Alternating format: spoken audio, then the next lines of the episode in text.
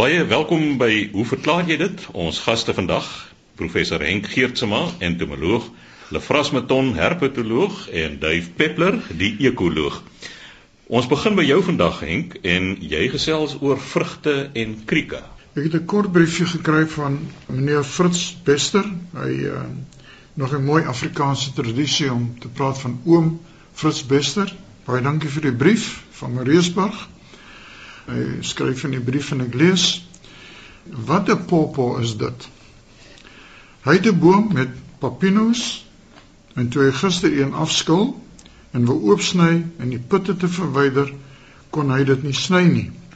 Iets hards was onder die kors en ek skil dit toe versigtig af en kom toe op die ding af.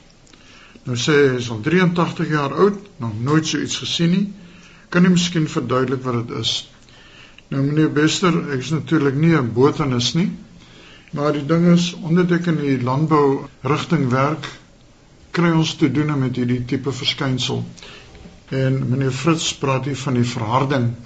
Nou die ding is dis duidelik 'n swam en dit het te doen met die fisiologie van die popino. As ek kyk na die brief, ek vermoed is hier rond Maart April, was nog in die droë tyd. En jy weet baie van hierdie sappige vrugte is baie afhanklik van die hoeveelheid vog wat hulle kan kry. Met ander woorde, ek dink wat hier gebeur het, die papino het 'n minimum hoeveelheid vog gehad, maar die vog was optimaal vir 'n swam om te ontwikkel want soos jy weet, dryf swamspore oral in die wêreld rond en so aan. Hulle kan nie die vrug kan hulle wel binnendring en dan hierdie so verharding veroorsaak. Dit is definitief nie 'n insek wat hierdie probleem veroorsaak nie maar dit is wel 'n swam. En natuurlik, as jy mens dan die skimmel sien, kan 'n mens ook sien daar's 'n ontwikkeling van sekondêre swamme. En meneer Bester het die regte ding gedoen om dit dan weg te gooi, want baie van hierdie swamme, primêr of sekondêr, kan eintlik baie gesondheidskadelik wees. Baie dankie vir die kort briefie. Dan het ek 'n tweede brief gekry van Hannes van Bloem, snaaks genoeg van Bloemfontein van alle plekke, klink baie interessant. En ek lees graag hierdie aanhef van sy brief. Hy sê meneer Chris Swanepoel en die 5-ster verklaarders.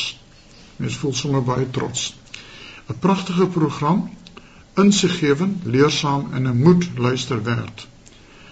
Dan sê hy jammer dat die program nie langer tyd kan aanhou nie.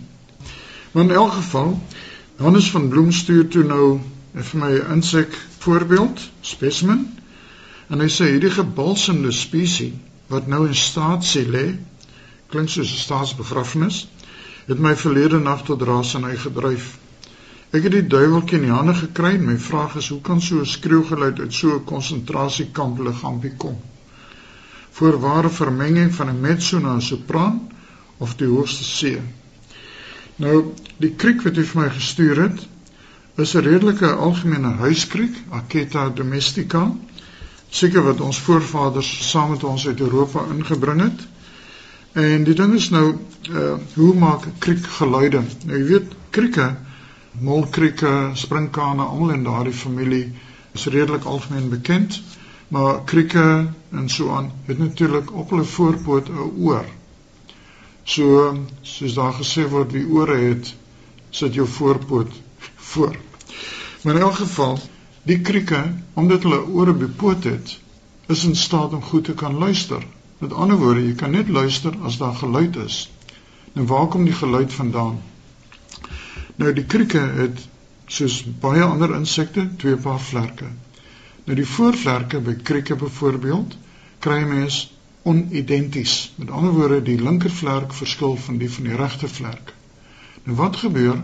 Die een vlerk het 'n gladde oppervlakte, ons praat van 'n spieël, en die ander vlerk het 'n kammetjie, soort van 'n krapperigheid as dit ware.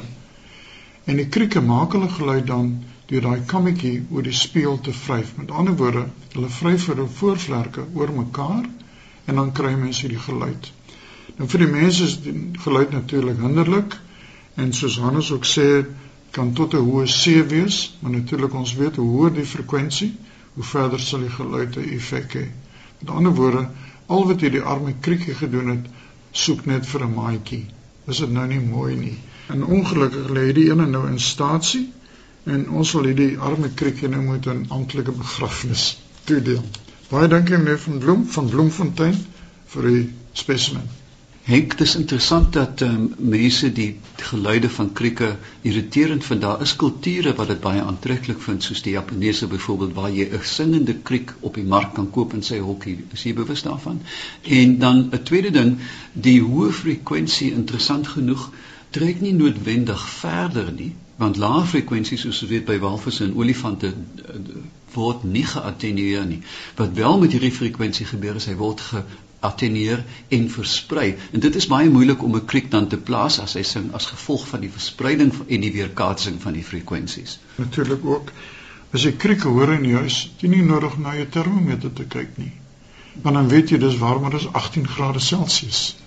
Hulle sal nie by koue temperature 'n geluid maak nie omdat die toestande dan vir paring en nageslagprodusering is nie eintlik baie gunstig by koue temperature nie.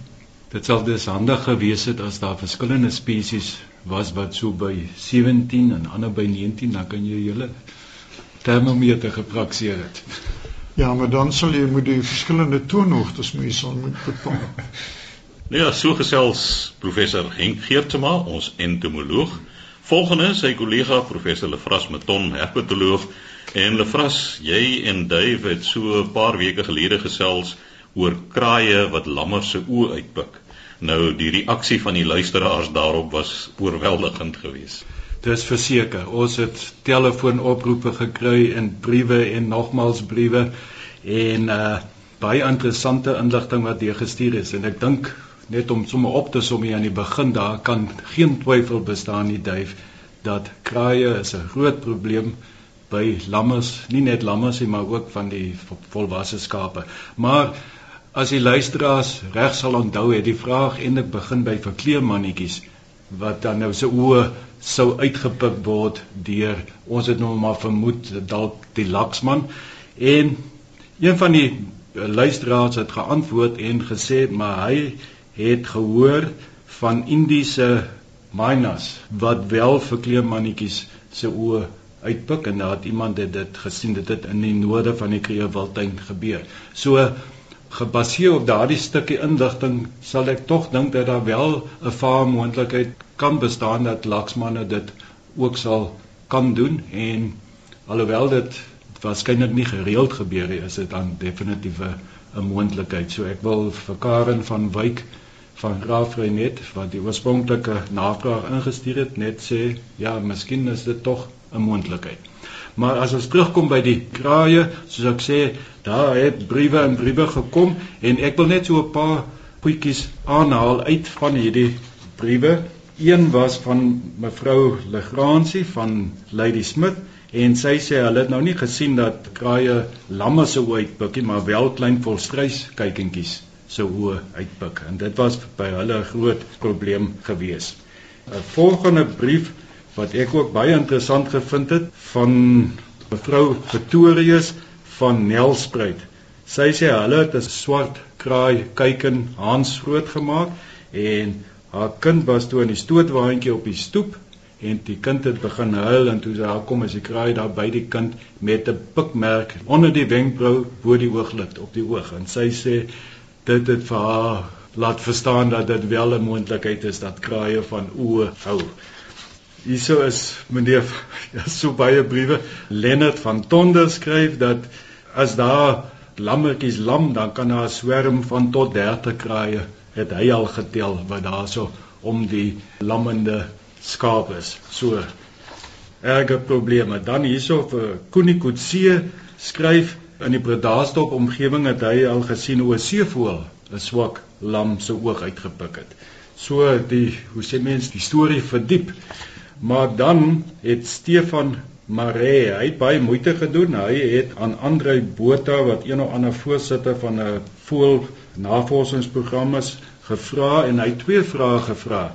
Eerstens sê is daar mense wat beweer dat witboskraaie, witkruisarends en neste beroof? Is dit so? En dan die tweede vraag wat hy gevra het is dan oor die kraaie wat dan nou lammers se oë sou uitpik En Andre het toe nou geantwoord: "Ja, dit is wel so. Swart kraaie is al waargeneem dat hulle lamme se oë uitpik, maar dit is gewoonlik vir swakte en siek diere wat hierby betrokke is en dan ook sê dat witborskraaie word beskou as van die redes hoekom die broei sukses van 'n verskeidenheid roofvoëls in sommige gebiede betreklik laag is want lyk my die kraaie beroof die neste of krap die neste uitmekaar uit.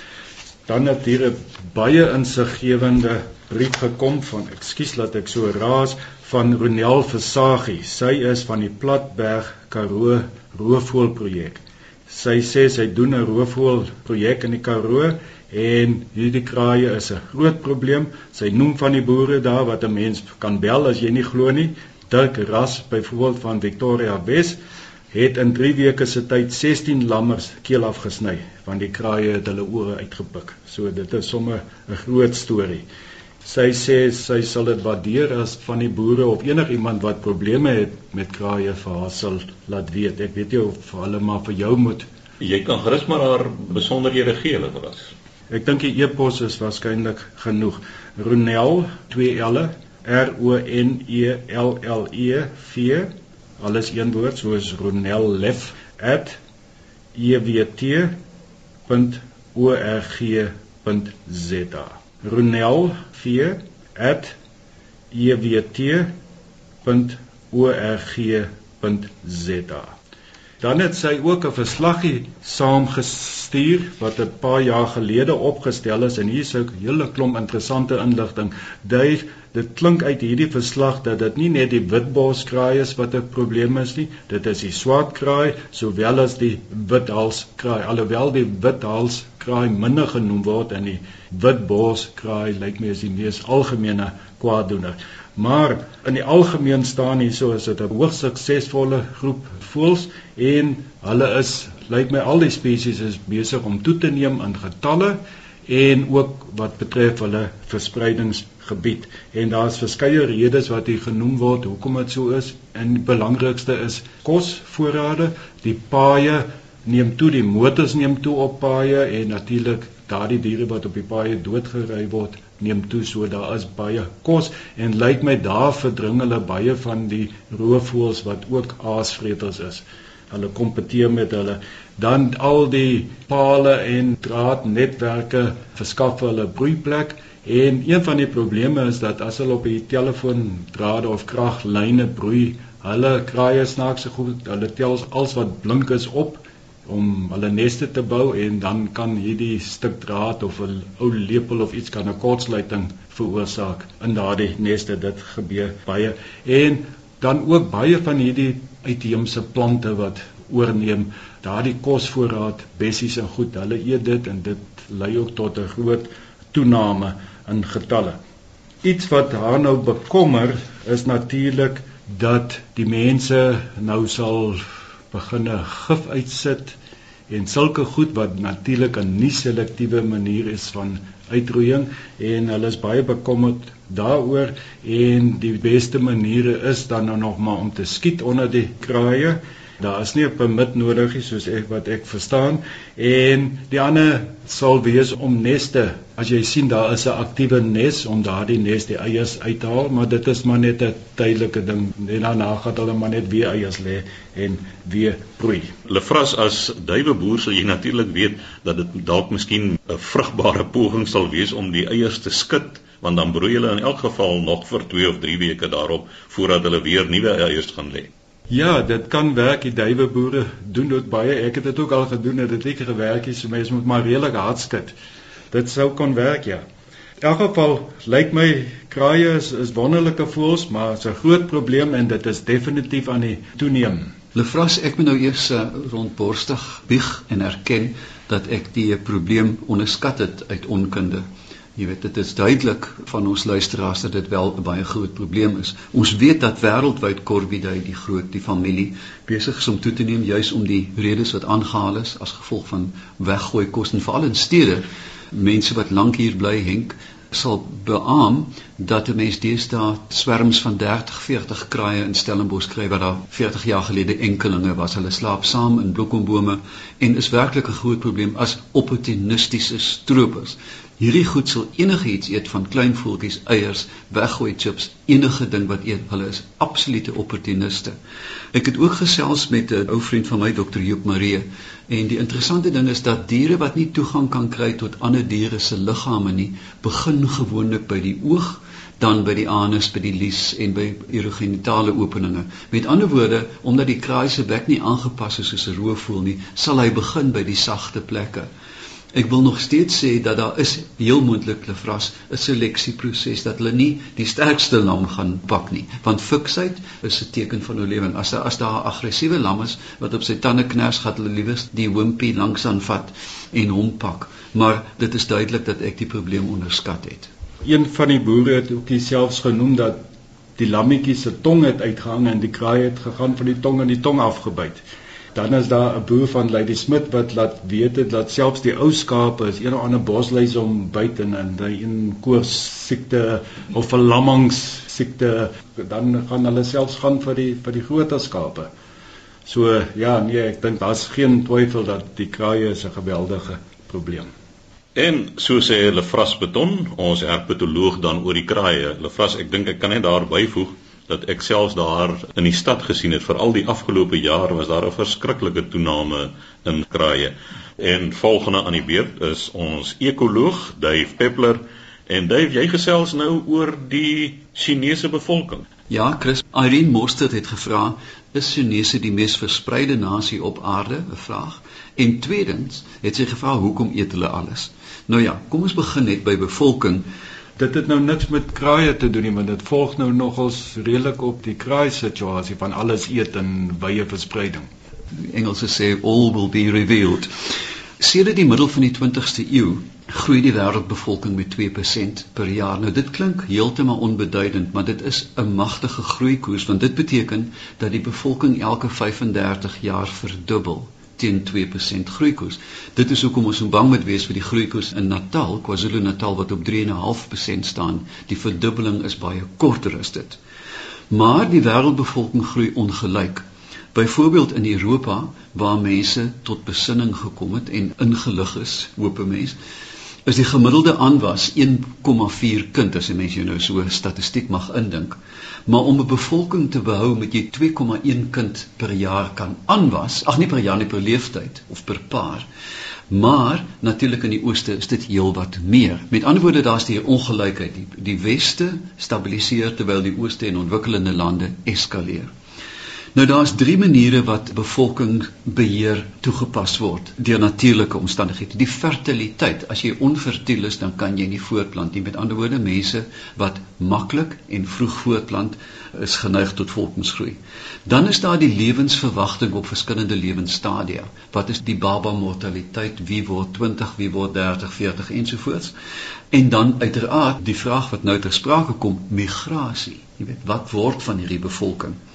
Nou hierdie vraag is al baie lank al aangespreek deur Malthus in die 1790s met sy beroemde boek An Essay on the Principle of Population wat herdruk is tot in die 1830s waar hy gesê het dat 'n bevolking word gestimuleer op twee maniere. Wat hy genoem het 'n positiewe impak is hongersnood, siekte, oorlog en dan het hy gesê die negatiewe is abortus. Daai tyd het hulle al gepraat van abortus, geboortebeperking, kan jy dink, né? In die 1790s prostitusie, hy het dit gesê, en celibasie, alles goeders wat 'n mens ongemaklik mee omgaan. Maar dan in China natuurlik is duidelik fertiel. Daar is reuse bevolkingsgroei selfs met 'n beperking van 1 kind per familie wat Mao Zedong ingestel het. Dit het natuurlik nou verbrokkel.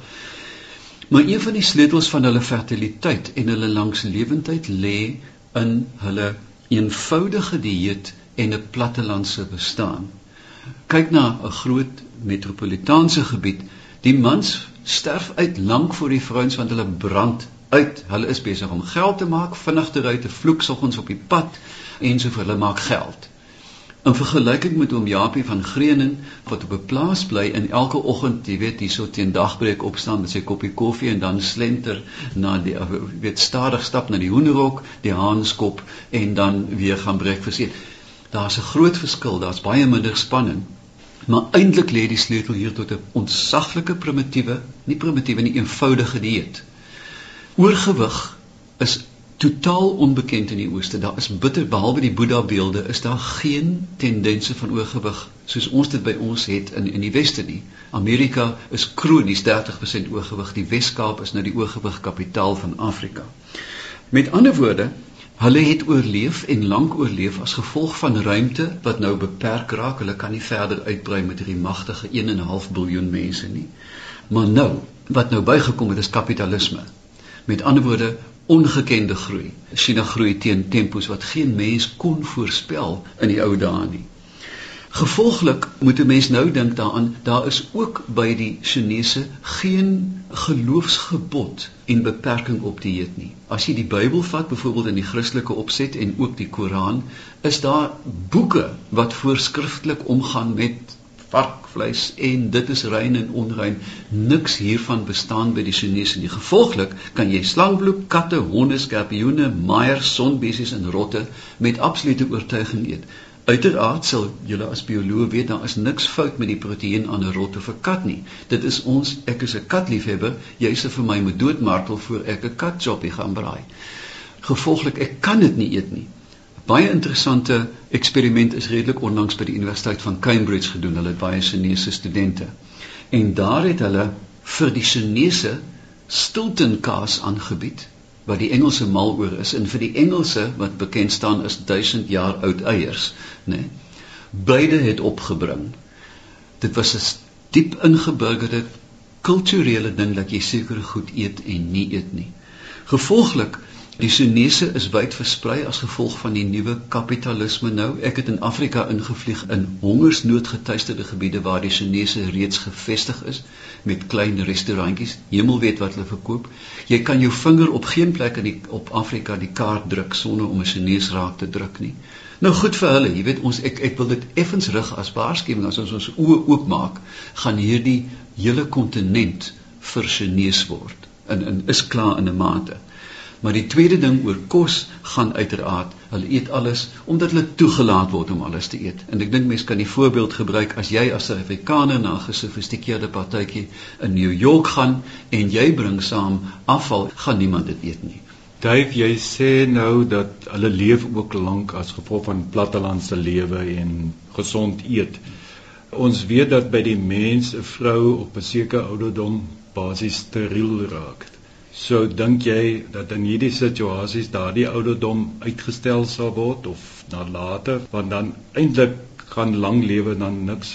Help om die populasie te o jy bedoel net daar word mense leef langer dit is nie dat hulle meer kinders hê nie maar net dat dat meer mense op aarde omdat hulle langer vat om te verdwyn. Ja, dit is hierdie Malthus model van hierdie ringetjies van pineappels. Jy weet dit omgekeerd is dat dit byna 'n silinder word dat die ou mense soos oral op aarde vandag word ouer, né? Nee? Mense raak eenvoudig net ouer as gevolg van versorging en so aan. Hulle begin natuurlik ook baie jonk met kinders hê wat baie goed is in in biologiese terme. Dis nie emosioneel goed om 'n kind op 16 te hê nie, maar jy het 'n damsterk baba as jy hom vroeg het, né? En hoe langer jy wag, hoe meer kanse is daar vir afwyking van die genetiese uh, voordele. Ja, hulle is 'n uh, robuuste mense wat lank lewe. Dit gaan begin verander. Ek dink met verwestering en en en 'n verandering in dieet gaan hierdie model heel moontlik binne die volgende 20, 30 jaar verander. Is jy seker want as mens dit is tog maar wat presies die geval is in Europa ook dat die die mense leef langer, okay, hulle kry minder kinders is eintlik nou 'n negatiewe groei maar jy sit met die amper dieselfde tipe van is na die ouer mense toe wat is geskew. geskew. Ja. Ehm um, die probleem met China as 'n kapitalistiese stelsel is dat hulle gierigheid het geen perke nie op die oomblik nie dit is 'n absolute vry vir almal daar is geen nasionale perk nie jy maak soveel geld as wat jy wil teen enige koste en hierdie koste begin nou ernstig impakteer op die klimaat van die aarde, maar ook kultureel met indringing en verspreiding. Ek dink ons stem almal saam dat die westerse bevolking eet te veel. Net klaar. Met ander woorde, lepel en vurk en mes. Nou mense dink hoe die Chinese en Japaneese eet. Hulle eet met stokkies. En die ding is as 'n mens self met stokkies eet, nou ons is natuurlik almal amateurs wat dit aangaan. maar jy sluk 'n ontsettende hoeveelheid lug, wind saam met jou kos. Nee, dis nie 'n grapie nie en dit gee vir jou die versadigingseffek. En dis hoekom hulle kan met minder kos vol raak. Henk, jy gaan in die geskiedenis op beroep word vir hierdie teorie. Wat word van al die wind? Nee, maar dit sou jy vir my kan vertel want jy het dit by jou vorige program genoem van al die wind op Stellenbosch.